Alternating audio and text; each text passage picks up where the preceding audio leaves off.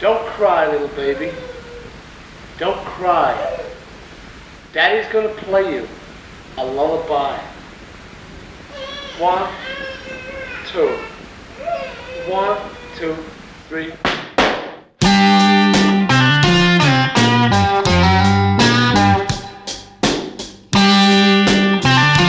אהלן חברים, מה שלומכם?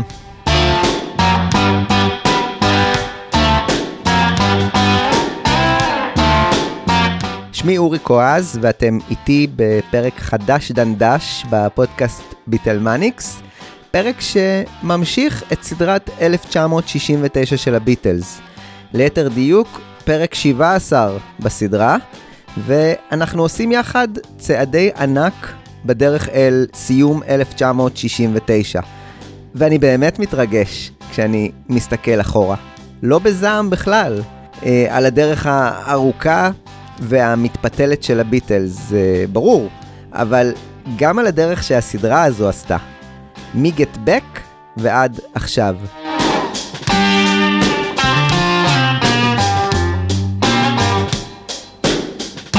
הפרק הזה רואה אור עכשיו, ממש בתחילת נובמבר, ואני מתרגש מעוד משהו. אני מתרגש לומר שהחודש נזכה סוף סוף לצפות בסרט הכל כך מדובר, שהפך לי את הבטן עם הטריילר האחרון שלו. הסרט Get Back של פיטר ג'קסון. איזה כיף לומר את זה. החודש זה משתחרר.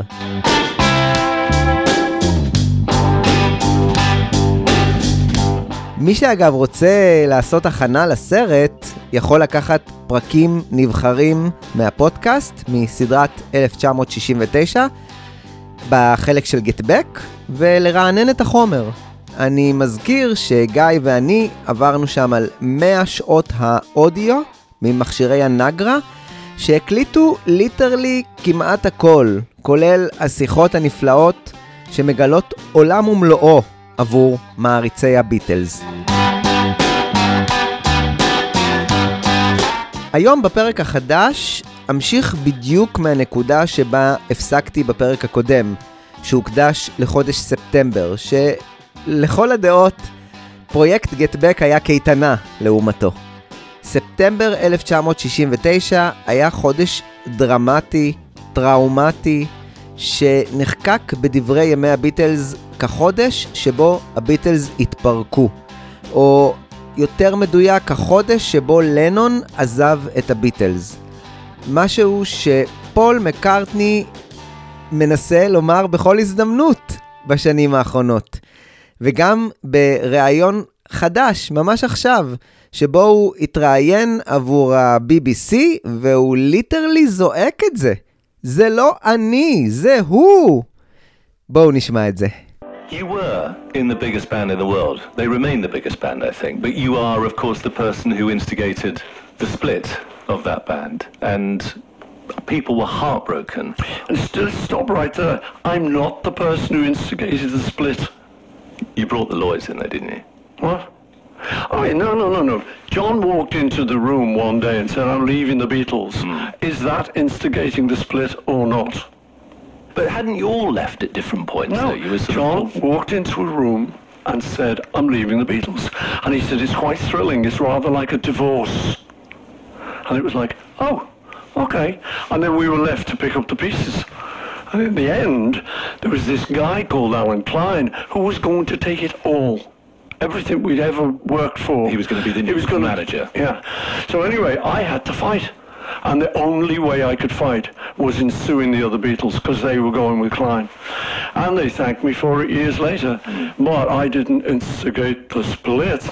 That was our Johnny. אז כן, יש לנו להקה מפורקת, לפחות מאחורי הקלעים, ובחודש שנדון בו בפרק הזה, חודש אוקטובר 1969, העיסוק העיקרי של כל חבר להקה הוא איך ממשיכים מכאן.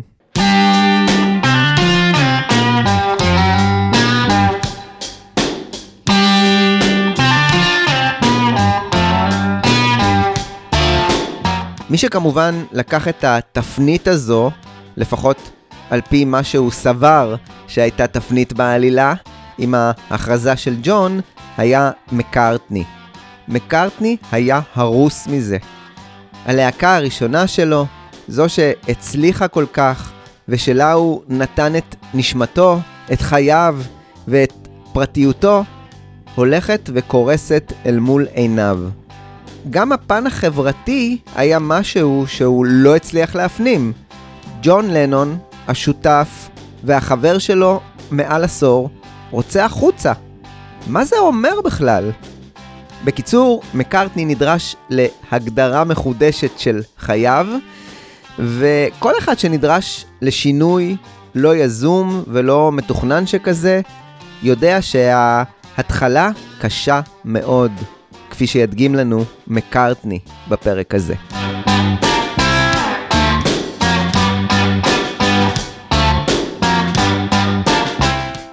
הקטע שמתנגן ברקע הוא outtake בשם Don't Cry Baby, מתוך ההקלטות של מקארטני לאלבום הסולו הביתי הראשון שלו, שבמידה מסוימת הוא תוצר התקופה הזו, שעליה נדבר בפרק. ועל האלבום הנפלא, מקארטני, אדבר בהרחבה בפרק מיוחד שאקדיש לו בהמשך. ה outtake הזה, Don't Cry Baby, שנכנס לאלבום בסופו של דבר בשם אחר, OU, מתחיל בהקלטה של מקארטני, כשהוא מדבר אל מרי, התינוקת, ואומר לה, אל תבכי תינוקת קטנה, אל תבכי, אבא ינגן לך שיר ארס. רק שלא ברור באמת את מי הוא מנסה להרגיע, את התינוקת מרי או את התינוק פול, שצריך עכשיו ללמוד, לזחול וללכת לבדו בעולם נטול ביטלס. ובאמת הגיטרות בקטע הזה רחוקות מאוד מלהיות שיר ארס מרגיע. הן יותר משקפות את הלך הרוח של מקארטני, שהאדמה רועדת לו מתחת לרגליים.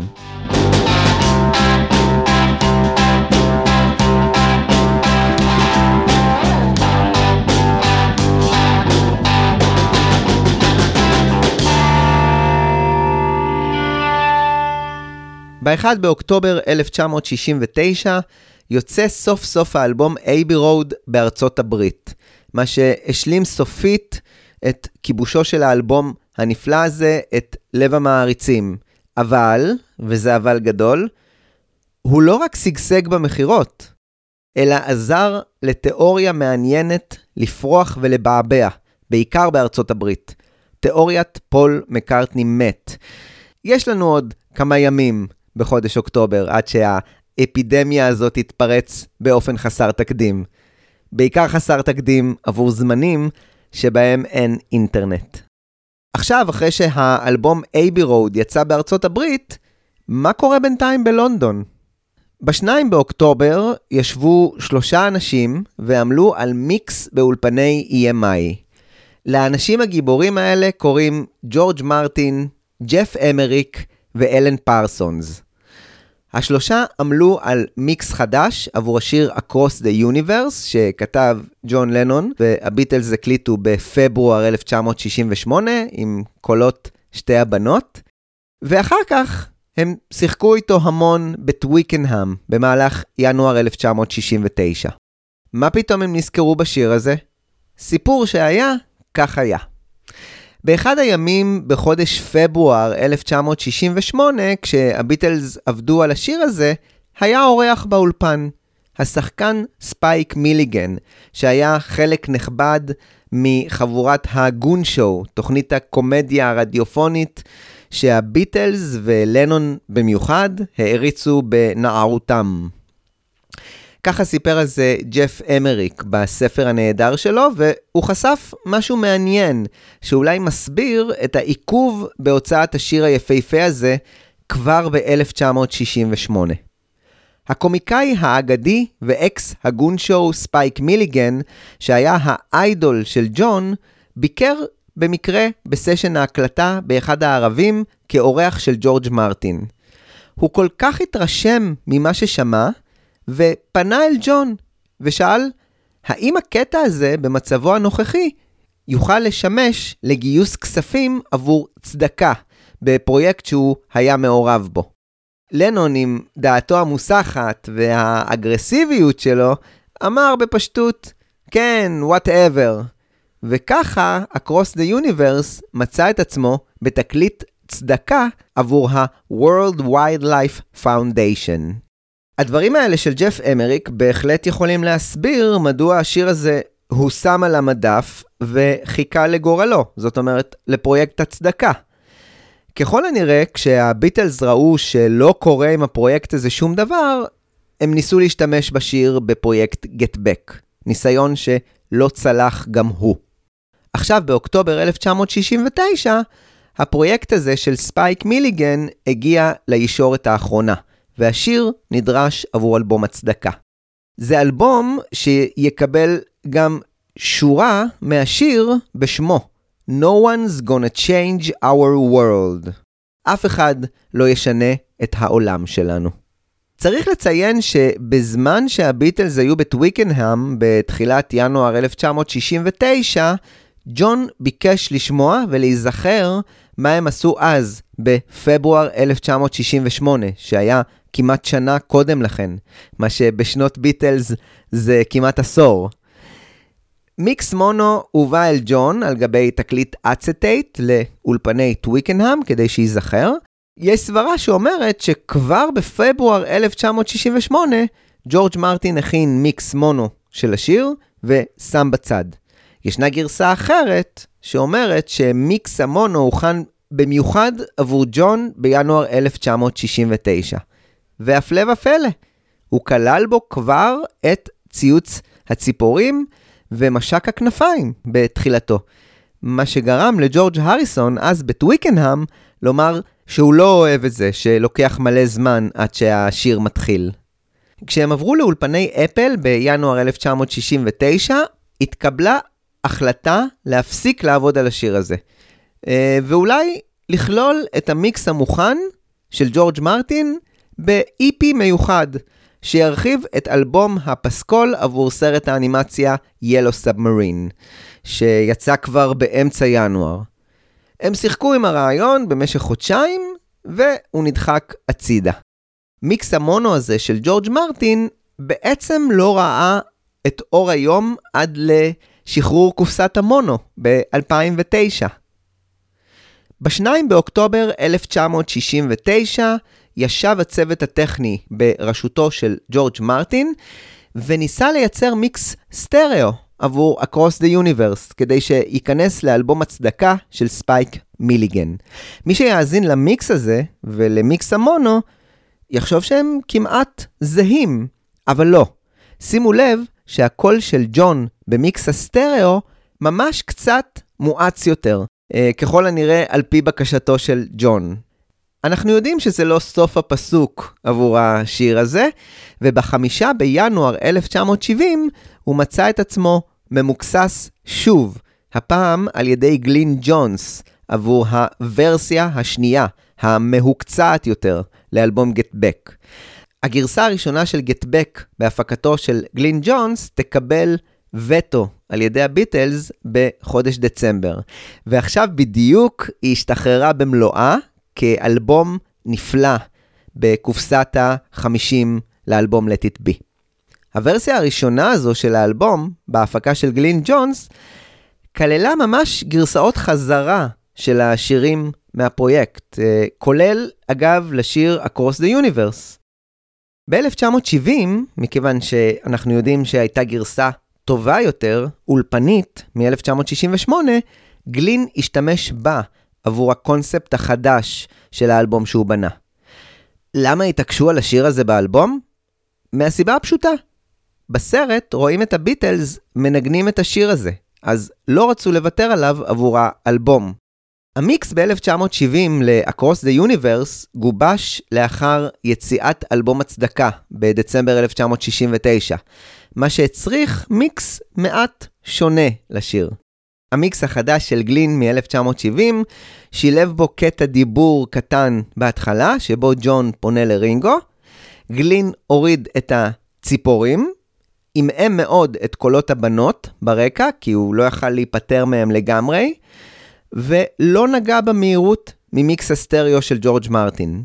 המיקס הזה ראה אור גם הוא לראשונה עכשיו בקופסת החמישים לאלבום Let It Be, ב-EP מיוחד ובזבזני, בעיקר של ויניל, ואני מודה שזה מיקס נהדר ללא שום גימיקים. לנון והגיטרה עושים את השיר באופן נפלא ובמהירות הנכונה. סופו של השיר הזה ידוע.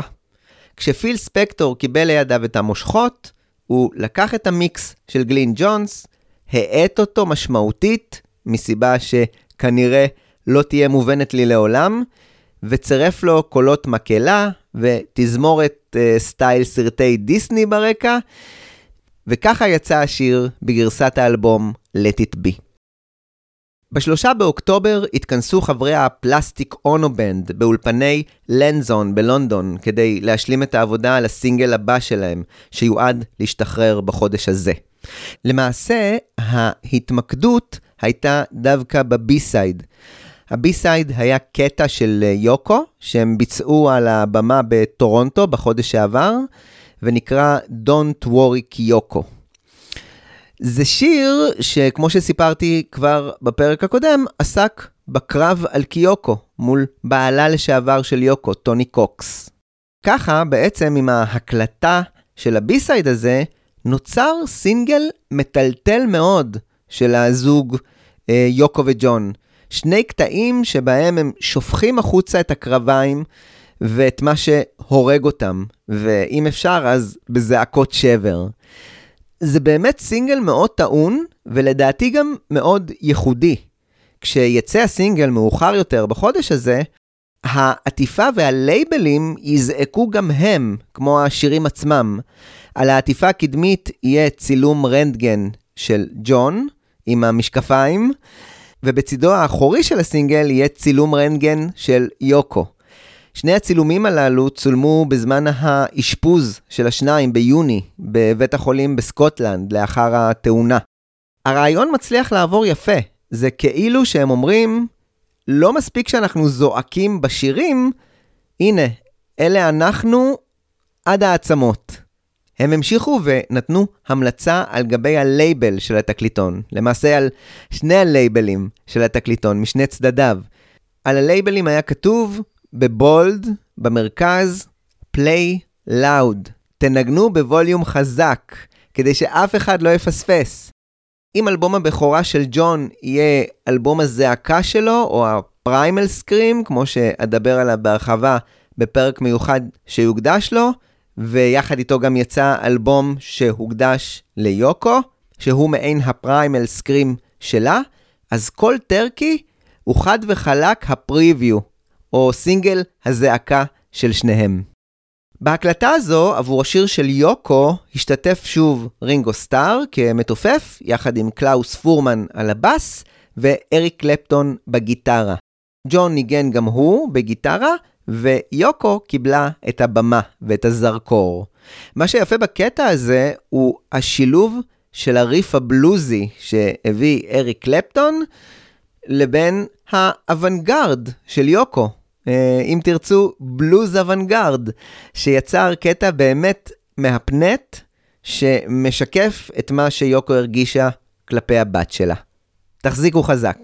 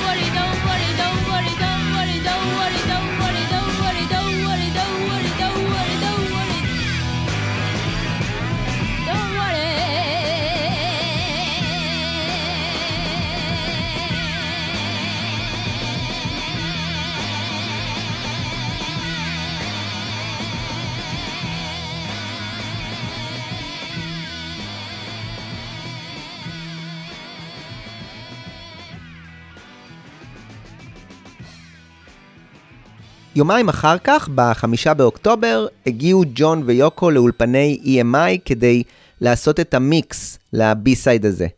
ובין היתר, להוסיף עוד תוספות אחרונות ל-A-סייד, שהיה כמובן קולד טרקי.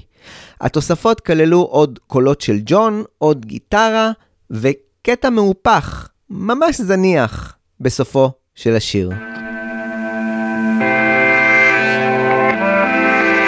אם האזנתם לפרק הקודם על ספטמבר 1969, הייתם עדים לשיחה מיוחדת שקרתה בתחילת החודש ההוא.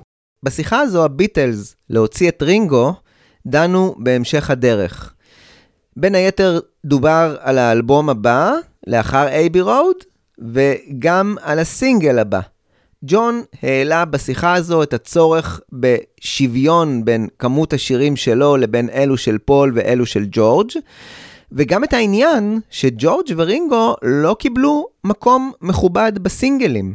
את התשובה האם לשיחה הזו היה קשר למה שקרה עם הסינגל הבא של הביטלס, אפשר רק לשער. באחד הספרים היה כתוב שאלן קליין הוא זה שדחף את השיר של הריסון, Something, להיות ה-A-side של הסינגל הבא. הוא למעשה היה double A-side יחד עם Come Together של ג'ון, אבל בכל זאת, השיר של הריסון היה בצד א'. האם זה נבע מהצורך בשוויון ודאגה להריסון, או שקליין חשב שהשירים האלה הם הטובים באלבום, ויגרפו הרבה כסף לכיסם של הביטלס, ומן הסתם גם לכיסו. אולי זה היה מעשה אנטי מקארטני טהור. באמת שאין לי מושג, אפשר רק לנחש, אבל כנראה שלא הייתה מחשבה עד הסוף בשיבוץ השיר של ג'ון בסינגל, שיר שהושפע קשות משיר של צ'אק ברי, ויביא איתו צרות צרורות. בכל מקרה, ב-6 באוקטובר יצא הסינגל הזה בפורמט הזה, Something Come Together בארצות הברית בחברת קפיטול. אותו הסינגל יצא רק ביומו האחרון של uh, החודש הזה, של חודש אוקטובר, גם בבריטניה. ב-8 באוקטובר, ג'ורג' הריסון התראיין עבור תוכנית הרדיו Seen and Heard של דייוויד uh, וויג. וזה רעיון מעניין מאוד, כי בעצם לא שמענו עד עכשיו את הפרשנות של הריסון על המצב בו נמצאים הביטלס. האמת היא שהריסון ברעיון הזה שקוע כל כולו ברוחניות ובחבורת הארי קרישנה, ובאמת על הסיפור הזה אה, דיברתי בהרחבה בפרק שהוקדש ל-50 שנה לאלבום All Things Must Pass.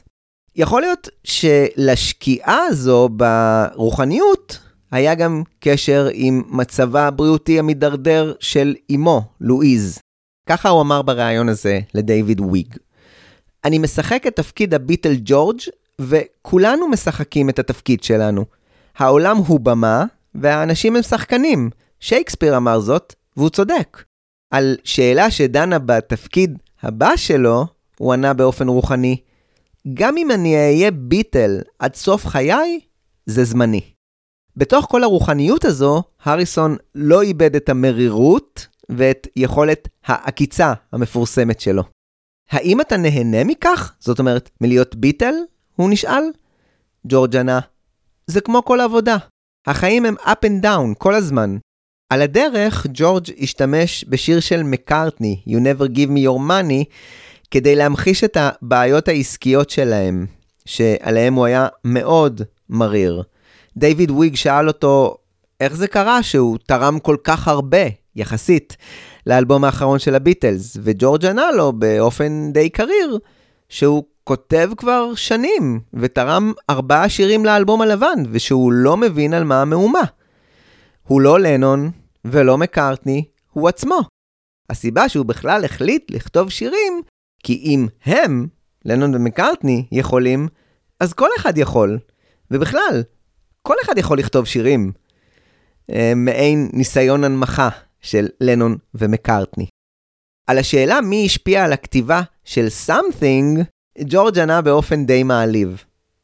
אולי פטי. התגובה שלו על הסינגל החדש וה-A-side שלו הייתה, הם, לנון ומקארטני, בירכו אותי עם כמה B-sides בעבר, אבל זו הפעם הראשונה שיש לי A-side.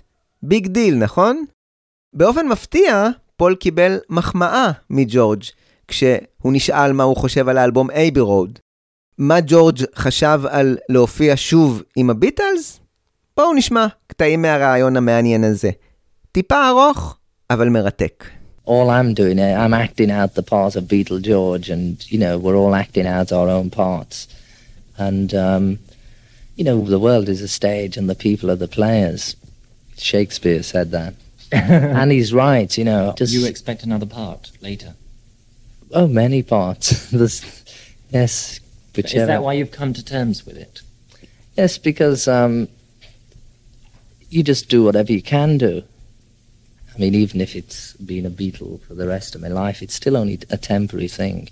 And uh, I mean, really, all we did was get born and live so many years, and And labelled. and this is what happened. We, you know, I got born seemingly to become Beatle George, but uh, it doesn't really matter who you are or what you are, because um, that's only a temporary sort of tag for a limited sort of period of years. Do you enjoy it now? It's the same as any job, you know. It's up and down, you know. Life is up and down all the time, and uh, maybe for us it goes up higher, but it comes down lower. Relativity. So you know, if we have a bad time, it's really bad, and if we have a good time, maybe it's really good. But it's only the same, you know. It's uh, relativity. So it's the same law operates for everybody Yes. but they only you know it's the same thing like they see showbiz that thing and all they think of is oh all that money you've got and you've got a big house and car and all that sort of thing but the problems that come along with that you know are incredible and i can tell you everything material that we have every hundred pounds we've earned we've got a hundred pounds worth of problems to balance it Yes. It's very ironical in a way because you know we've all got a maybe a big house and a car and an office but to actually get the money that you've earned is virtually impossible. It's like illegal to earn money. Well not to earn it it's illegal to keep the money you earn. You only you never give me your money you only give me your funny paper. You know that's what we get bits of paper saying how much is earned and what this and that. But you never actually get it in uh, Pound shillings and pence. Yes. Mm. But I think it's another of life's problems that you never actually solve. Or it's very difficult to solve. And anyway, you've just got to, no matter how much money you've got, you can't be happy anyway. So you have to find your happiness with the problems you have. And you have to not worry too much about them. And Hare Krishna, Hare Krishna, Krishna Krishna, Hare Hare. Two of the most beautiful songs on Abbey Road are from yourself. When we've been so used to Lennon McCartney compositions, and of course, you know, people have been commenting this week about something, and here comes the sun, which are your own compositions. How did how did this all happen? It's so unusual for you to contribute so much to an LP Well, not really. by the Beatles. I mean, uh, the last album we did had four songs of mine on, and um, you know, I thought they were all right.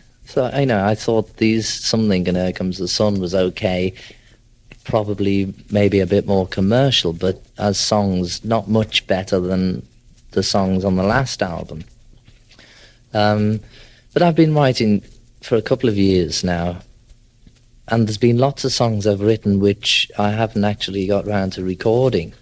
So you know, in my own mind, I don't see what the fuss is because I've heard these songs before and I wrote them, you know, quite a while back, and it's really nice that people like the songs, but. Um, you don't look upon yourself as a late developer as regards songwriting, then, because it's, sort of kind of hit everyone Well, that way, you know. you know, late, early, you know, what's late and what's early. But you, you hadn't really got the reputation. No, as no. Yet, I mean, I wasn't- Had you? I wasn't Lennon or I wasn't McCartney. And, um, you know, I was me. And uh, the only reason I started to write songs was because I thought, well, if they can write them, I can write them. You know, because really, everybody can write songs if they if they want to. What inspired something, for example? Maybe Patty, probably. Really? I think I wrote it. I wrote it at the time when um, we were making the last double album, and it's just the first line, something in the way she moved, which has been in millions of songs. It's not a special thing, but it um, just seemed quite apt. This is the first time that one of your songs has been released as a Beatles single, isn't As an? A side, yeah. As an A-side. They blessed me with a couple of B sides in the past, but um, um, this is the first time I've had an A side. Big deal, eh? what was your own personal response to the Abbey Road album? How, how do you Uh, feel it comparing it with previous albums? I thought it was quite nice. On the whole, I think it's a pretty good album. What are your own personal favourites? Which ones that I you like, really um, like? I like my favourite one is I think because I don't know. I like lots of them. I like Mm. Never Give Me Your Money and Golden Slumbers and things. You know, Paul always writes nice melodies. In fact, I don't know where he finds them half the time. Would you like to see the Beatles performing on stage live again? Uh, I don't know. I I wouldn't mind playing. You know, I like playing the guitar with people and singing a few songs and stuff. But um, I don't know as to going on clubs and things like that. התשעה באוקטובר היה יום הולדתו ה-29 של ג'ון לנון, וזה מדהים בעיניי. הבחור עדיין לא חגג 30. זאת אומרת, כל החוויות הללו שאנחנו מדברים עליהן במהלך הסדרה הזו, קורות לאנשים מתחת לגיל 30, וזה מדהים. היום הולדת הזה, יום ההולדת ה-29 של ג'ון, לא היה יום הולדת שמח בכלל. באותו היום הובהלה יוקו לבית החולים עם חשש כבד לחיי העובר שהיא נשאה ברחמה. היא קיבלה עירויי דם ונשארה להשגחה בבית החולים, כשג'ון היה כל הזמן הזה לצידה וישן על הרצפה. ארבעה ימים אחר כך, יוקו חוותה הפלה בפעם השנייה, מאז תחילת היחסים עם ג'ון. משהו שהשאיר את שניהם הרוסים ועם ההבנה הברורה שמשהו צריך להיעשות על מנת להפסיק את השימוש בהרואין ההרסני הזה. Honey Underman, Honey Underman, Honey Underman, Honey Underman, Honey Underman, Honey Underman, Honey Underman, Honey Underman, Honey Underman. Can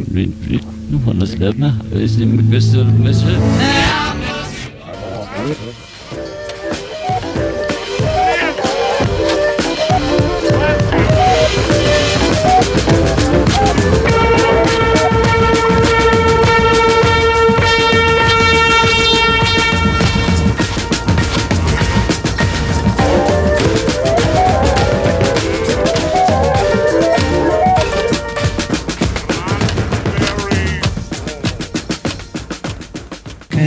Take me back where I came from? Can you take me back?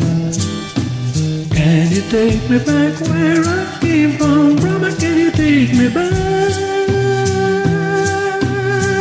Can you take me back?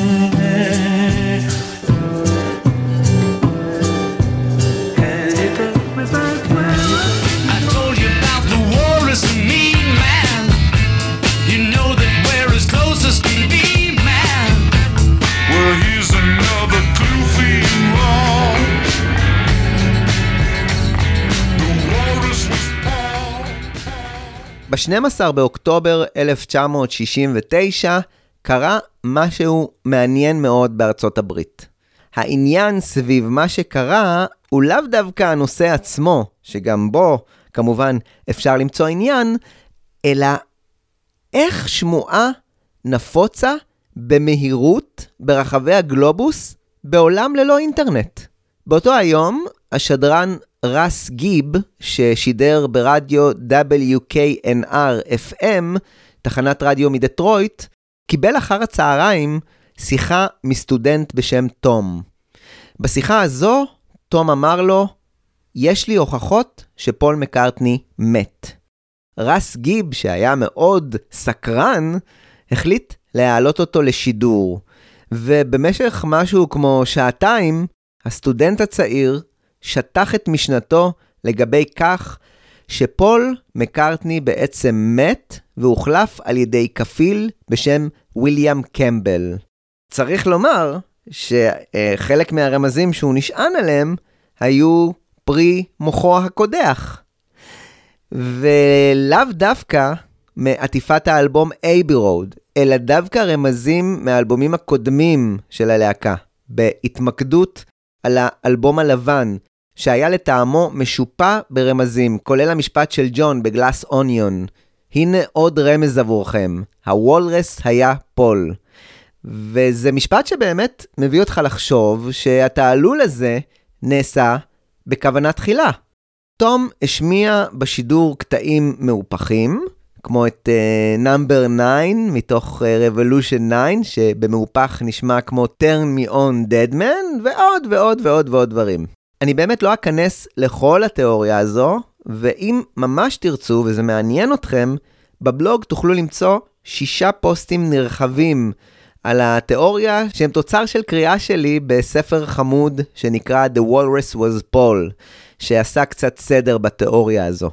כן, גם בתיאוריות מופרכות או מכוונות, כדאי שיהיה סדר. אז באמת בבלוג תוכלו למצוא את כל הרמזים, לשבת עם מראה ולמצוא מסרים נסתרים ולשמוע במהופך כל מיני קטעים. בסך הכל כיף גדול. ככה סיפר השדרן רס גיב על מה שקרה לאחר השידור הזה. לא יכולתי להאמין למה ששמעתי. זה היה מאוד מובהק. תוך 3-4 דקות קווי הטלפון קרסו באולפן. It's an overseas call to London, England. Yeah. And I'd like to place it to 537-1038. That's an incorrect number, sir. Uh, I want to talk to Paul McCartney. That's an incorrect number for Paul McCartney. What about 273, uh, 231-7438? There's no such number in London. How do you, has a lot of people been calling this Yes. number? For Billy Shears and Paul McCartney. You're kidding. Yes, no, I'm not kidding. You're, you get uh, a tremendous amount of people doing this then, I take it. Yes, we do. זו לא הייתה הפעם הראשונה שבה עלתה התיאוריה הזו. בחודש ספטמבר פורסם במגזין קולג'י באיואה מאמר בשם "האם פול מקארטני מת?". השיח הזה, כמו שאתם מבינים, הסתובב בעיקר בארצות הברית. אבל הפעם, אחרי השיחה הרדיופונית הזו של תום עם רס גיב, זה כבר הצית את גל השמועות הזה מעבר לגבולות ארצות הברית. גם ללונדון השמועות הללו הגיעו, מה שגרם לחברת אפל להתחיל ולקבל טלפונים שדרשו לדעת מה קורה עם פול מקארטני.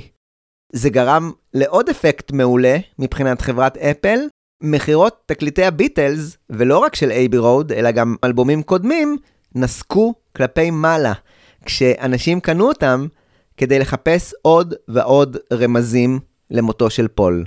גאוני, נכון? דרק טיילור, קצין העיתונות של הביטלס, נאלץ לבסוף להוציא הודעה. לאחרונה אנחנו מקבלים הצפה של שאלות שתוהות על דיווח שאומר שפול מת. אנחנו מקבלים שאלות כאלה כבר שנים, אבל בשבועות האחרונים הן מגיעות יום ולילה. אני מקבל אפילו שיחות מארצות הברית. בשיחה אחרת, טיילור כבר היה נחרץ הרבה יותר. זה אוסף של שטויות. פול בהחלט איתנו. פול מקארטני, שהיה בעיקר מאוכזב, מתוסכל ומדוכא, גזר על עצמו בתקופה הזו שתיקה והתנזרות מרעיונות. זה בטח לא עזר לשמועות לדעוך, וכמו מעגל קסמים, ככל שהוא שתק, השמועות הלכו והתגברו. אבל הראש של פול היה במקום אחר לגמרי. איך הוא לוקח את המשפחה הקטנה שלו, את הציוד הבסיסי שהם צריכים, והם מתרחקים הכי רחוק שהם יכולים מהרעש הבלתי נסבל של לונדון. ולא, לא מדובר על רעש של מכוניות. ההייפ סביב השמועות על מותו של פול המשיך ביתר שאת. תחנת הרדיו WKNR מדטרויט יצרה קשר עם ג'ון לנון, והכתב הצליח לקבל ממנו תגובה לגבי השמועות הללו. ג'ון אמר, זו בדיחה, פול לא מת, ואם הוא היה מת, היינו אומרים לכם, כי היינו הראשונים לדעת. יש לו תינוקת, והוא מקליט מוסיקה עבור הסרט של רינגו, ומפיק את מרי הופקין, אז הוא חי מאוד. הכתב המשיך והתעקש. זה כל כך קשה להאמין שדבר כזה יימשך, כמו השמועות, למשל, על ג'יימס דין. לנון ענה, אני לא מצליח להבין את זה. אני מבין את הסיפור על ג'יימס דין, שחי נכה איפשהו ולא נחשף. אולי. אבל פול מקארטני לא יכול למות בלי שהעולם ידע, כמו שהוא לא יכול להתחתן בלי שהעולם ידע. זה בלתי אפשרי. הוא לא יכול לצאת לחופשה בלי שהעולם ידע. הוא לא בחופשה, אלא עובד ומקליט להקה בשם ה-Iveys, שעושים מוזיקה עבור הסרט של רינגו, ה-Magic Christian. ג'ון המשיך וסיפר על הפעילות של הפלסטיק אונו בנד, ועל הדברים הבאים שהולכים לצאת תחת ידיהם, אבל הכתב לא ויתר, וחזר לרמזים על מותו של פול, על עטיפות האלבומים, וג'ון המשיך והדף אותם. John Lennon, there is no doubt in your mind about the fate of uh, Paul McCartney. Uh, no, it's a joke, is it? I mean, Paul isn't dead, you know, and if he was, we would have told you, you know. We'd be the first to know.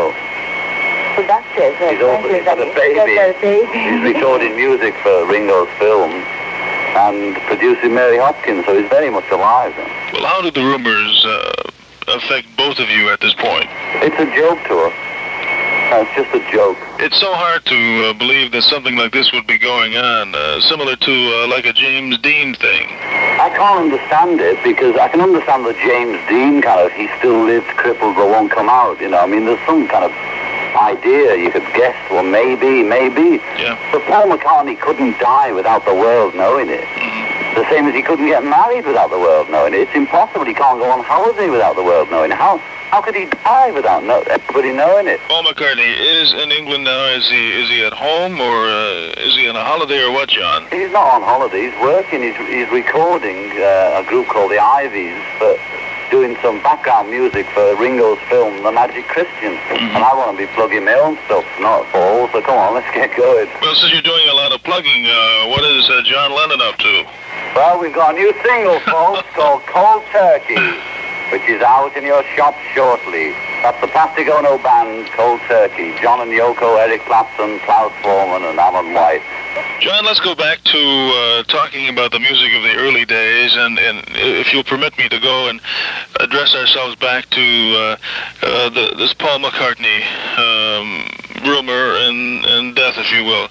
Um, as a matter of fact, let's talk all about this symbolism that's going down in these albums and address ourselves also to the possibility of death and what you recognize in these albums. Well, I tell you, I'm not aware of any of them, you see. I only read about them this morning in the paper, and I can't remember them. Something about Sergeant Pepper album cover and uh, Abbey Road album cover. I don't see the connection. John, I find it hard to believe that uh, some people are supporting this rumor that's going around here that if you play some of your records backwards, um, there are some messages to it, and, and people can hear these. Uh, what, what do you have to say about the backward movement of these records?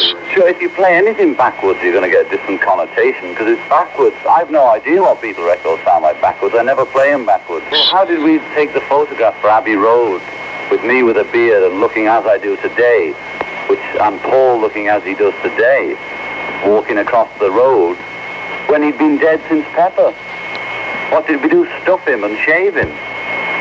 You know, or what? How could we do it? I don't understand what it's about at all. You know, I don't. Paul isn't dead.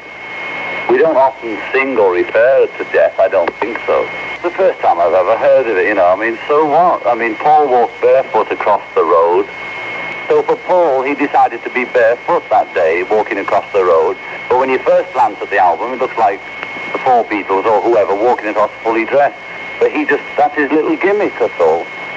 Yeah, I didn't even notice till I got the album. I didn't notice on the day he was barefoot. We were just uh, wishing the photographer would hurry up and it's getting too people, many people are hanging around. It's going to spoil the shot and let's get out of here. We're meant to be recording, not posing for Beatle pictures, you know. That's all we were thinking. And I was muttering, come on, hurry up now, keep in step. The Beatles themselves have become the essence of this, this great rumor. Yeah, it's just all that mysticism, like James Dean is still alive in a chair somewhere, and that Bob Dylan had died. I mean, but you can understand the Dylan rumor a bit more because he had that big crash and nobody knew where he was. You know, it's all that intellectualizing or looking for hidden meanings. You know, it's just gone crazy. That's all. ב-20 באוקטובר שוחרר בארצות הברית אלבום האוונגרד השלישי של ג'ון ויוקו, ה-Wedding Album. אלבום שארז בו בצורה יפהפייה, מבחינת ה-packaging כמובן, את קורותיהם של ג'ון ויוקו בחודש מרץ, חודש החתונה שלהם ושביתת המיטה הראשונה באמסטרדם. המארז הוא קופסה לבנה שעל גביה התנוססה תמונה שלהם מהחתונה בגיברלטר, שעליה תוכלו לקבל עוד פרטים בפרק על חודש מרץ בסדרה. ובתוך הקופסה היו ארוזים העתק של תעודת הנישואין שלהם, עבור מי שפקפק בכך שהם נישאו, חוברת של קטעי עיתונות מהתקופה, תמונה של פיסת עוגת חתונה, ותמונות מהחתונה בגיברלטר ומשביתת המיטה באמסטרדם. בנוסף, צורף גם אוסף שרבוטים של ג'ון מכל האירועים הללו. בקיצור, מארז נהדר שב-2019 קיבל גרסה מחודשת, מדויקת מאוד, שמיד כשיצאה הגרסה הזו, שמתי עליה יד והיא באמת נהדרת. ככה סיפר ג'ון על האלבום הזה ב-1980. זה היה השיתוף של החתונה שלנו עבור כל מי שרצה להשתתף איתנו.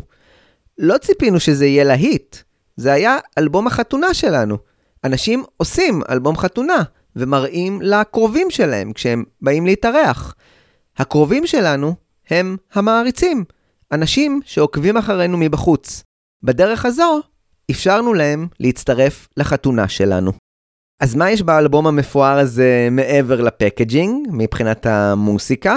לעומת המארז היפהפה, האלבום עצמו הוא למיטיבי לכת בלבד, ומכיל בסך הכל שני קטעים ארוכים.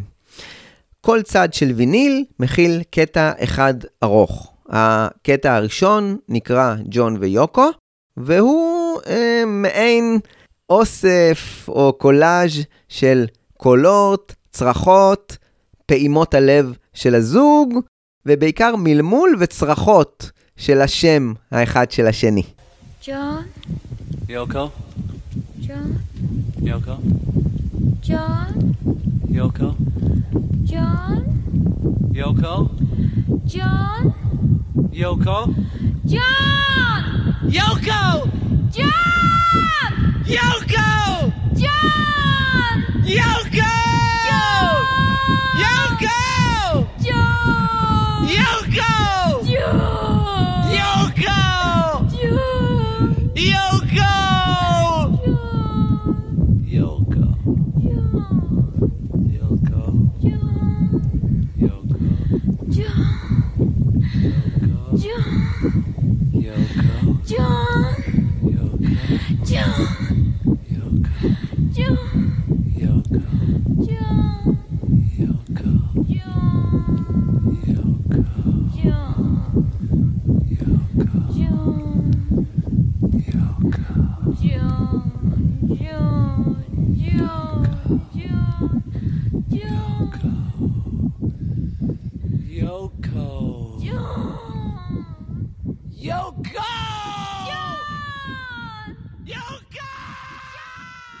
הצד השני של האלבום נקרא אמסטרדם, והוא הכיל בו הקלטות וקולות משביתת המיטה הראשונה שלהם באמסטרדם. הקטע הארוך הזה מכיל אה, קטעים מעניינים בשיטת המיקרופון הפתוח, שהיה פתוח בחדר המלון. למשל, שומעים שם ראיון שהעניקו הזוג על השלום. שומעים קטע בלוזי קטן שג'ון מבצע על הגיטרה עם המילים Good by אמסטרדם. שומעים את יוקו שרה קטע בשם Grow Your Hair, ומלווה על ידי ג'ון בגיטרה, בריף שמאוד מזכיר את זה של Because. אה, יש בו גם גרסה קטנה ל-Good Night שלנון כתב, ורינגו ביצע עבור האלבום הלבן, ועוד ועוד. בואו נשמע קטע קטן.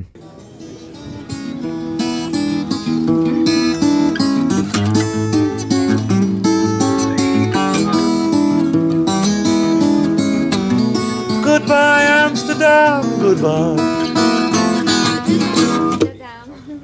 Au revoir. Okay. Dank u wel. Thank you. Dank u wel.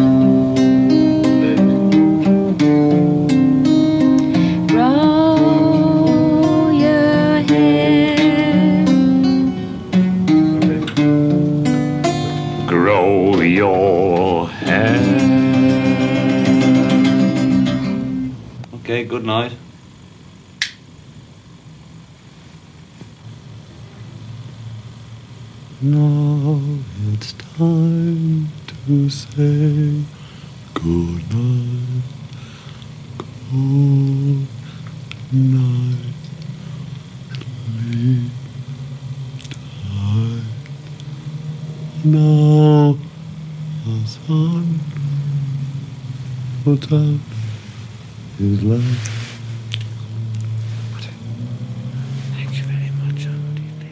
אלבום החתונה ראה אור בבריטניה רק ב-14 בנובמבר, וכשהוא יצא בבריטניה, ה-Melody Maker פרסם ביקורת מוזרה שכתב ריצ'רד וויליאמס. וויליאמס קיבל לידיו עותק שנועד עבור התקשורת, שהכיל בו שני תקליטי ויניל, כשבכל תקליט היה צד אחד עם תוכן, ובצד השני היה מוטבע אות בדיקה.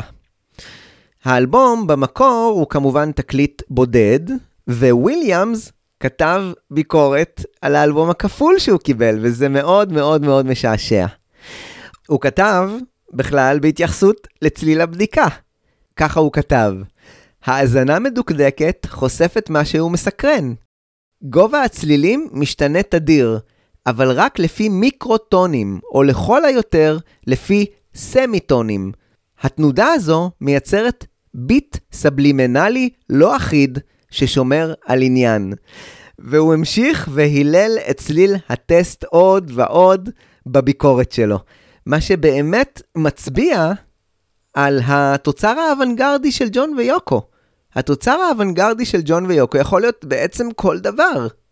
גם צליל בדיקה הוא צליל אוונגרדי.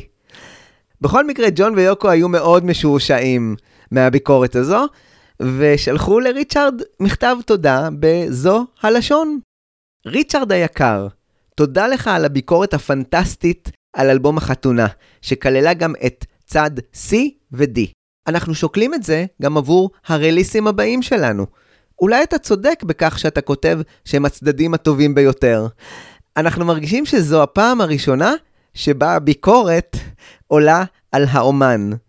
אנחנו לא צוחקים. אהבה ושלום, ג'ון ויוקו. במקום נקודות במכתב, הם כתבו כל פעם את המילה סטופ, כדי לסמל את הצד הריק בתקליט. באותו היום בדיוק שוחרר גם הסינגל Cold Turkey בארצות הברית, והצליח להשתחל אל מקום 30 במצעד הסינגלים של הבילבורד.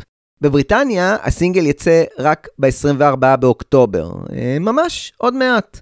בינתיים בלונדון עמל ג'ף אמריק על המיקס עבור אלבום ההופעה של ה-Plastic Ono Band בטורונטו, שיועד לשחרור בדצמבר. ב-21 באוקטובר המשיך דיוויד וויג במסע הראיונות שלו עם חברי הביטלס, והפעם היו אלה ג'ון ויוקו במשרדי אפל. בריאיון הזה ג'ון נשאל בין היתר על הרצון שלו להופיע עם או בלי הביטלס, ומה הוא מצפה שיקרה עם הביטלס בעתיד. תשובה? שיקבלו את כל הכסף שמגיע להם ושיהיו מאושרים. הוא ענה גם תשובה דיפלומטית שאמרה שהביטלס בעצם נולדים מחדש, וזה רמז לא עבה מדי למה שבאמת מתרחש. לשאלה האם הוא מתכוון להקליט שוב עם הביטלס, ג'ון ענה עוד תשובה דיפלומטית. אין כרגע תוכניות whatsoever, אבל אם מישהו מאיתנו יתחיל משהו, האחרים יצטרפו ונעשה אלבום. אנחנו פותחים את הביטלס. הריאיון הקשה המשיך. המראיין אמר, הסיבה שאני שואל זאת היא כי יש המון שמועות על חיכוכים בביטלס, ושאתה לא מדבר עם פול, ופול לא מדבר איתך, למה שמועות כאלה מתחילות? ג'ון ענה שכן, היה מתח סביב אלן קליין ו-ATV, והיו המון לחצים שתוך כדי ההתמודדות איתם, עשינו את Back ו-Abbey Road. ועכשיו אנחנו בהפסקה, האחד מהשני. You have got this image of wanting to go back and perform again, John. People think you want to go back and play the guitar again and, and perform. Would you like to see the Beatles I'd think about it, yeah. like? You know, performing as a Beatle is a harder problem than performing as John Lennon and Yoko or the Plastic Ono Band because you don't have that big aura around you. Whatever happens, we're going to get knocked. They're going to say it wasn't as good as it's not. Whatever happens, we have such a thing to live up to that to do a live performance as the Beatles takes a lot of consideration, you know. So I'd think about it. I don't have an imaginary event, you know, because the imagination probably It's so hard exceeds all as a Beatle, events. you know. But is it completely out of the question? No, it's not out of the question. It's just a, a big responsibility, you know. There's such a mystique about the Beatles that they'll be expecting God to perform, you know. What would you like to see happen for the Beatles in the future, John? Uh, I'd like them to s- to see them get the money they've earned, which they haven't had yet. But uh, our good friend Mr. Klein will see to that, and uh, for them to be happy, you know, to do whatever they want to do. Because whatever happens to the Beatles, uh, so-called, we'll always be sort of friends, you know. So all I want for the Beatles is their individual happiness. That remains to be seen. Are you, in fact, going your own way with Yoko these days? Because that is the impression one has. Well, each Doing Beatle's going thing. doing his own thing at the moment, you know, and it's like a, it could be a rebirth or a death, you know, and we'll see what it is, you know. But it'll probably be a rebirth, you know, for all of us. When do you, in fact, plan to record with the Beatles again? At the moment, there is no plan whatsoever, you know. And maybe if one of us starts it off, the others will all come round and make an album, you know. It's just like that at the moment. To open the Beatles up, you know. It's the first time this situation has ever arisen, isn't it? Well, let's Normally say before Sergeant Pepper, there was nine months of nothing. So in between our albums now, there's a lot of there's a lot of stuff going on. That's all. There might be nine months or a year before we decide to, that we're interested enough to produce that thing called the Beatles album. You know, but there was nine months before Sergeant Pepper, and it's only been since September since we worked together. Yes. Do you care about making another one? Yeah, I think communication media, you know, and I wouldn't destroy it out of hand or dissolve it out of hand, you know. So that's what I think about Beatles. The main reason I asked you that, John, is because there have been so many rumours going around about, you know, Beatles Yes. having had rows and there being friction, that you're not talking to Paul and Paul's not talking to you. Why do you think rumours like this start? Because uh, there was a lot of tension around the Alan Klein coming in days and all that, you know, and uh, and the ATV thing going on, you know. We, we were, the Beatles under a lot of pressure, and we had to be together all the time, fighting and arguing and listening to all these different business things. That business thing was like a heavy tour, you know. In it, we made Get Back and Abbey Road and a couple of singles, and under a great strain, you know, of doing that business. And so now we're just taking a break from each other, you know. למחרת, ב-22 באוקטובר, בוצע המהלך הסופי בעניין Northern Songs. אלן קליין שכנע את כולם שזהו זה, זה גמור. ATV של לו גרייד היא השולטת עכשיו בחברת ה-publishing ובשירים של לנון ומקארטני. הדבר היחיד שאפשר היה לעשות עכשיו זה למכור את המניות שנותרו בידיהם של לנון ומקארטני כדי לפחות לעשות כסף מהסיפור הזה. כל אחד מהם קיבל סכום נאה של שלושה וחצי מיליון פאונד לפני מס, ולנון כמובן רתח על כל הסיפור הזה ואמר, בכל העסקה הזו סביב Northern Songs, יום אחד הייתי מיליונר, וביום השני הייתי תפרן. אני עדיין יכול לחיות טוב.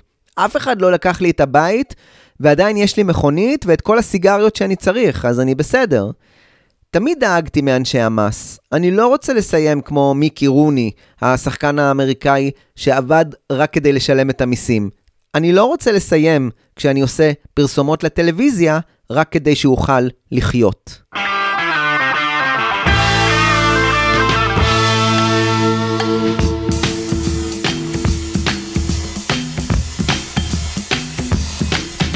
באותו היום, ב-22 באוקטובר, פול מקארטני מימש את התוכנית שלו להתרחק מלונדון.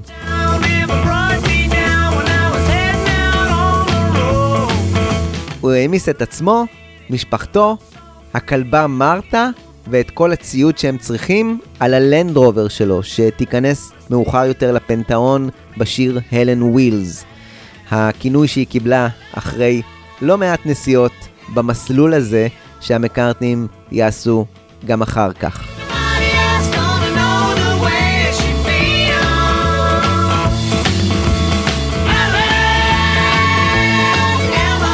יחד עם הלן ווילס, המקארטנים נסעו רחוק. רחוק מאוד. הם נסעו לחווה בסקוטלנד כדי לשהות שם ולחשב מסלול מחדש.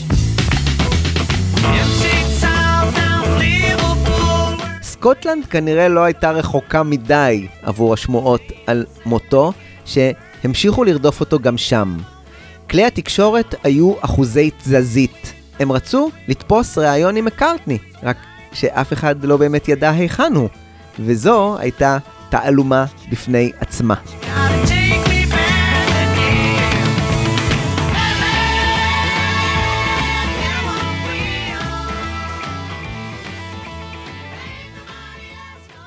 באותו היום, ב-22 באוקטובר, נחת בלונדון כתב בשם אלכס בנט מתחנת WMCA, שהייתה תחנת רדיו ניו יורקית. והוא התחיל לעבוד על תחקיר. התחקיר כלל ראיון עם רינגו סטאר, שאמר לו, אם אנשים ירצו להאמין בזה, הם יאמינו. אני יכול רק לומר שזה לא נכון. הוא המשיך וראיין עוד אנשים כמו דרק טיילור, ניל אספינל, הוא אפילו הגיע לצלם איאן מקמילן, שצילם את עטיפת האלבום Abbey Road, ועוד ועוד ועוד ועוד אנשים. ב-24 באוקטובר השתחרר בבריטניה הסינגל של ה-Plastic Ono Band, Cold Turkey. הסינגל הראשון שלנון הוציא, שלא כלל את קרדיט הכותבים המיתולוגי לנון ומקארטני, אלא רק ג'ון לנון. באופן די צפוי, ה-BBC הדיר אותו מרשימות השידור שלו בגלל העיסוק בסמים. באותו היום, ה-24 באוקטובר, הגיע צוות טלוויזיה של רשת ABC לחווה בסקוטלנד, והחל לצלם את מקארטני בחשאי בחווה שלו, כשהוא מסתובב בחוץ עם הכלבה מרתה. זו בעצם הפעם הראשונה שמקארטני צולם מאז פריצת השמועות על מותו. אבל זה היה צילום באופן כל כך אגרסיבי ובוטה ופולשני. מקארטני הבחין בהם והחל לאיים שיפסיקו לצלם אחרת הם יסתבכו בצרות. ככה זה נשמע. That's good. If he doesn't see us, we're laughing. When up there, can you not get down? Down in the ground.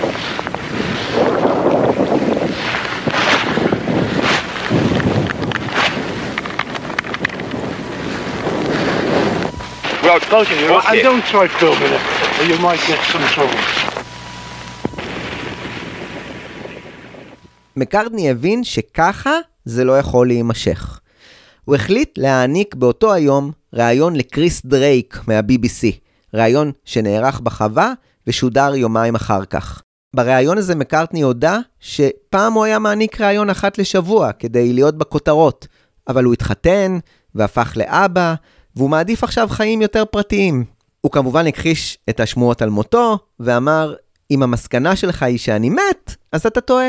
הנה, אני חי בסקוטלנד. לינדה הוסיפה שהחופשה שלהם נהרסה על ידי ספקולציות של עיתונאים, כי כולם יודעים שהוא חי. מקארטני נשאל לגבי הביטלס, ואמר שאין להם שום תוכניות להתכנס בעתיד הקרוב, ושהם השלימו אלבום וסרט, ובכלל, ייתכן שהוא לא יחזור ללונדון עד ל-1970.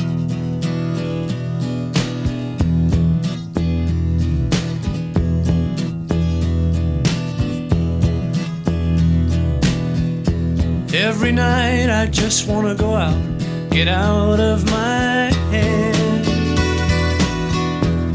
Every day I don't want to get up, get out of my המצב של פול בסקוטלנד לא היה מזהיר. הוא הלך ושקע בדיכאון.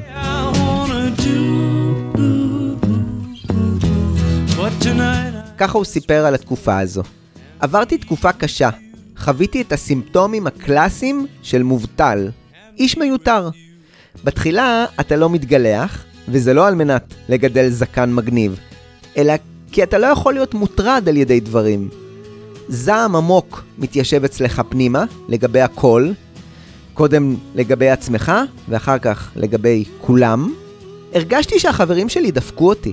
לא קמתי מהמיטה בבוקר, ואם קמתי, לא ידעתי מה לעשות, וחזרתי למיטה. כשלבסוף קמתי, שתיתי. אף פעם לא הייתי ככה. Every day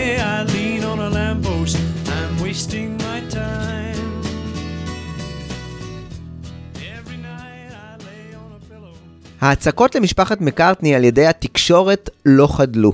באחד הימים הגיעו כתב וצלם של המגזין השבועי האמריקאי לייף, וניסו לצלם את מקארטני בחווה. מקארטני שכעס מאוד על החדירה לפרטיות שלו ושל משפחתו, השליך דלי מים על אחד מהם בזמן שהם מצלמים אותו. לאחר כמה דקות הוא נרגע, הבין את הפוטנציאל הרי האסון לאימיג' שלו בפרסום התמונות הללו, והסכים לשתי תמונות משפחתיות שימחישו שהוא חי וקיים עם משפחתו בסקוטלנד. הוא גם הסכים לראיון קצר מאוד וציטט את מרק טוויין, שאמר ב-1897, כשהיו שמועות על מותו שלו, הדיווחים על מותי מוגזמים ביותר. ופול הוסיף בבדיחות הדעת, אם הייתי מת, אני בטוח שהייתי האחרון לדעת על כך. הראיון הזה יתפרסם רק בשבעה בנובמבר, אבל בתוך כל ההתעסקות הזו, האם פול חי או מת, אף אחד לא שם לב לפצצה שמקארטני השליך בו. כך הוא אמר בריאיון. זה הכל bloody מטופש. את ה-tag שענדתי ב-Pepper, ה-OPD, השגתי בקנדה. זה בכלל היה tag משטרתי שאמר Ontario Police Department או משהו כזה. את הפרח השחור ענדתי כי נגמרו האדומים. זה בכלל ג'ון על העטיפה של Magical Mystery Tour. ובאייבי רוד לבשנו בגדים רגילים. הלכתי יחף כי זה היה יום חם. החיפושית במקרה חנתה שם. אולי השמועה החלה כי לא הייתי בתקשורת בזמן האחרון. הייתי מספיק בתקשורת עבור חיים שלמים, ואין לי מה לומר בימים האלה. אני שמח להיות עם המשפחה שלי, ואני אעבוד כשאעבוד. במשך עשר שנים הייתי במצב און. עכשיו אני בעוף בכל פעם שאני יכול. אני מעדיף להיות פחות מפורסם בימים האלה. והנה הפצצה שאף אחד לא שם לב אליה. העניין של הביטלס נגמר, זה התפוצץ. בחלקו בגלל דברים שאנחנו עשינו, ובחלקו בגלל אחרים. אנחנו אינדיבידואלים, כולנו שונים. ג'ון התחתן עם יוקו, ואני עם לינדה. לא התחתנו עם אותה בחורה. הוא חזר אל עניין השמועות. האנשים שממציאים את השמועות הללו צריכים להסתכל על עצמם קצת יותר. אין מספיק זמן בחיים. הם צריכים לדאוג לעצמם במקום לדאוג האם אני חי או מת. את מה שיש לי לומר, אני אומר במוסיקה. אם אני רוצה לומר משהו, אני כותב שיר. אתה יכול בבקשה להפיץ שאני אדם רגיל שרוצה לחיות בשלווה? אני חייב ללכת עכשיו. יש לנו שני ילדים בבית. לסיכום, התקופה הזו אכן לא היטיבה עם מקארטני. יש לי הרגשה שהוא נפגע הרבה יותר מכפי שאפשר לתאר מההכרזה הזו של לנון. דיכאון היה סייד אפקט מיידי, אבל עם ההכרזה הזו נזרע גם זרע האגרסיביות של מקארטני, שיבוא לידי ביטוי גם כלפי חבריו בלהקה.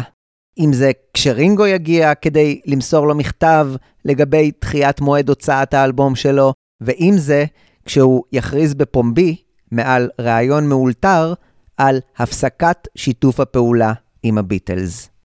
טוב, אז ברברתי כל כך הרבה על מקארטני ועל לנון בפרק הזה, אבל מה עוללו ג'ורג' הריסון ורינגו סטאר בחודש אוקטובר 1969? אני מניח ששני הביטלס היו די מבולבלים מכל מה שקורה. הריסון, כמו ששמענו בריאיון עם דיוויד וויג, הלך והעמיק בתוך סיפור ההארי קרישנה שלו, אבל מבחינה מוזיקלית, הדבר המשמעותי היחיד שאני יודע עליו בחודש הזה, היה השתתפות בהקלטות לאלבום של ריק גרייץ'. ריק גרייץ' היה בסיסט מוכשר לכל הדעות, שהיה חבר בהרכבים חשובים כמו פאמילי וב-Blind Faith, שבה היה חבר גם אריק קלפטון, ומאוחר יותר בהרכב Traffic. באוקטובר 1969 הוא ניסה לגבש אלבום סולו והקליט שני שירים, Spending All My Days ו-Exchange and Mart. בסשנים הללו השתתפו בין היתר ג'ורג' הריסון ואריק קלפטון. נשמע קטע קטן מ-Spending All My Days, ואולי תזהו שם את ג'ורג' בגיטרה. Only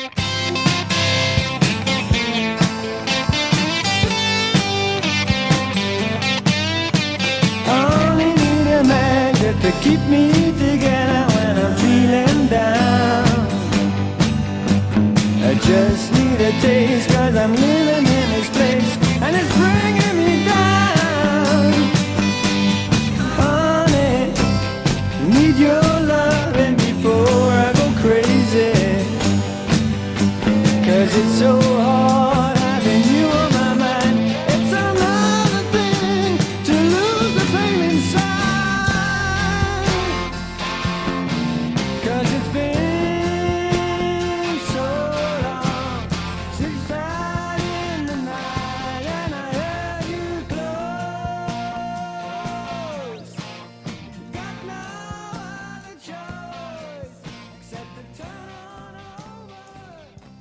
מאז ההכרזה של לנון בספטמבר על עזיבתו את הביטלס, לרינגו סטאר לא היה ברור מה צופן לו העתיד.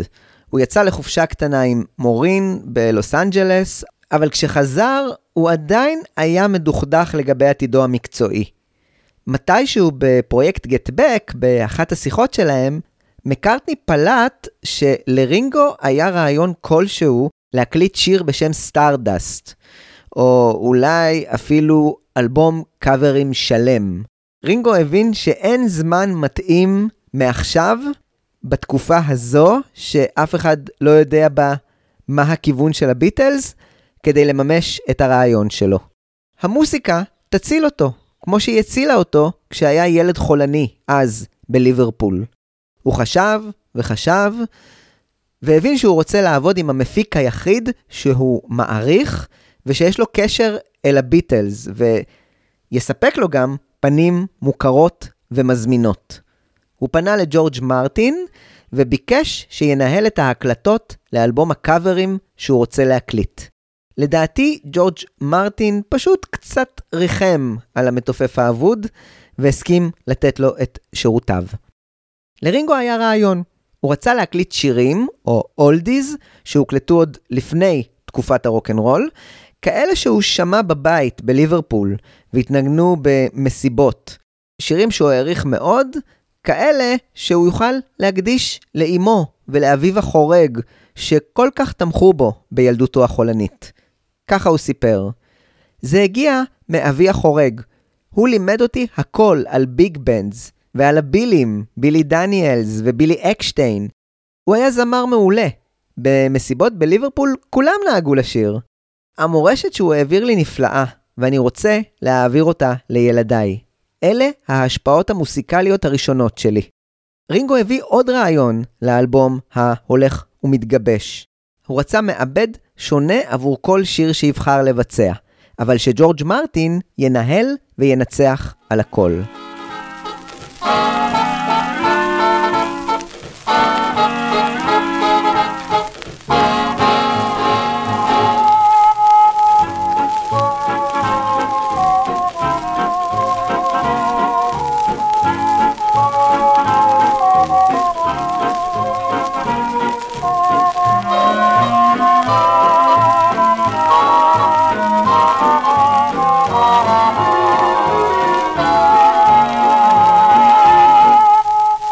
ב-27 באוקטובר רינגו עשה דרכו לאולפני EMI כדי להקליט קטע בשם Night and Day.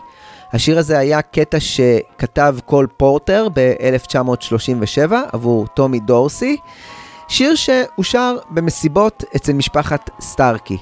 מי שעיבד את השיר הזה עבור התזמורת היה צ'יקו אופריל, המלחין, המעבד והמנצח הקובאני. ג'ורג' מרטין ניצח על התזמורת בת 17 הנגנים, ובסוף היום היה מיקס מוכן לשיר. בואו נאזין לרינגו עושה ביג בנד משנות ה-30 עבור מה שיהיה האלבום Sentimental Journey. אלבום שיוקלט עד ינואר 1970 והשתחרר במרץ. זה נכון, לרינגו לא היה את אותו הניצוץ האלוהי המוזיקלי הייחודי כמו לשאר חברי הביטלס, אבל זה אלבום שאני מחבב מאוד. אולי בגלל העובדה שרינגו העיז ועשה את הצעד קדימה ולא חיכה למר גורלו. יהיו מי שיגידו שזה למתוח את הביצוע של Good Night מהאלבום הלבן על אלבום שלם. אז מה? תשמעו איזה תוצאה יפה הוציא רינגו שלנו.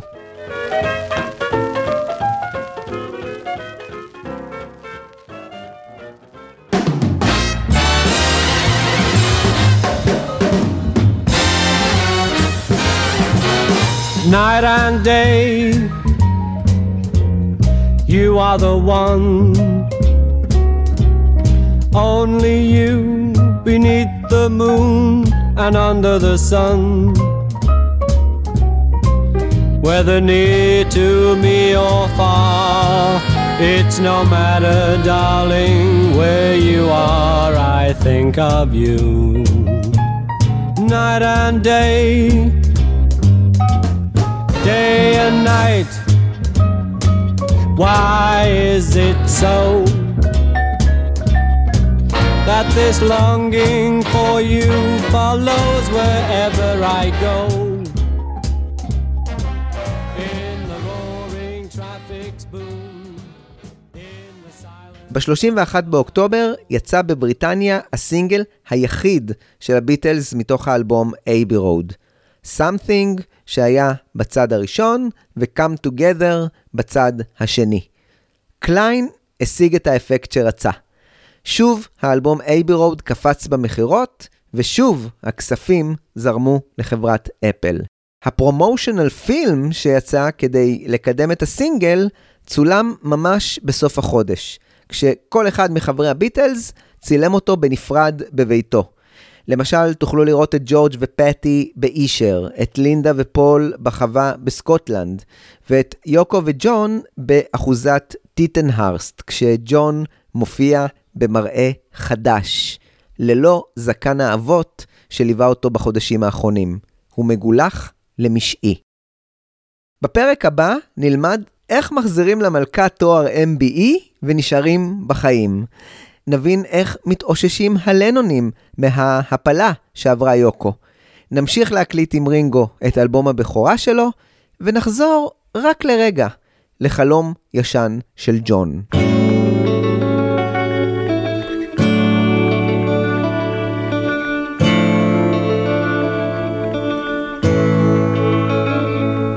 תודה רבה שהייתם איתי בפרק הזה. פרק של בדידות ועצבות במחנה הביטלס, אבל אני מקווה שהכל עוד יהיה בסדר, והחיוך יחזור לפרצופים של כולנו.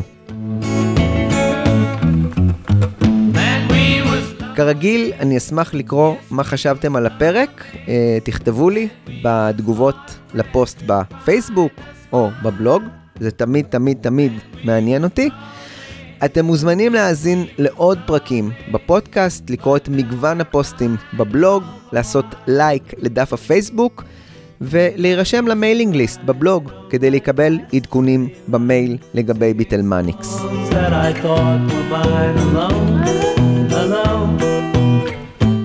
תודה ענקית לגל פלדי על התמיכה והעזרה בעריכה הלשונית. בסוף אתה אותו אוהב את דילן.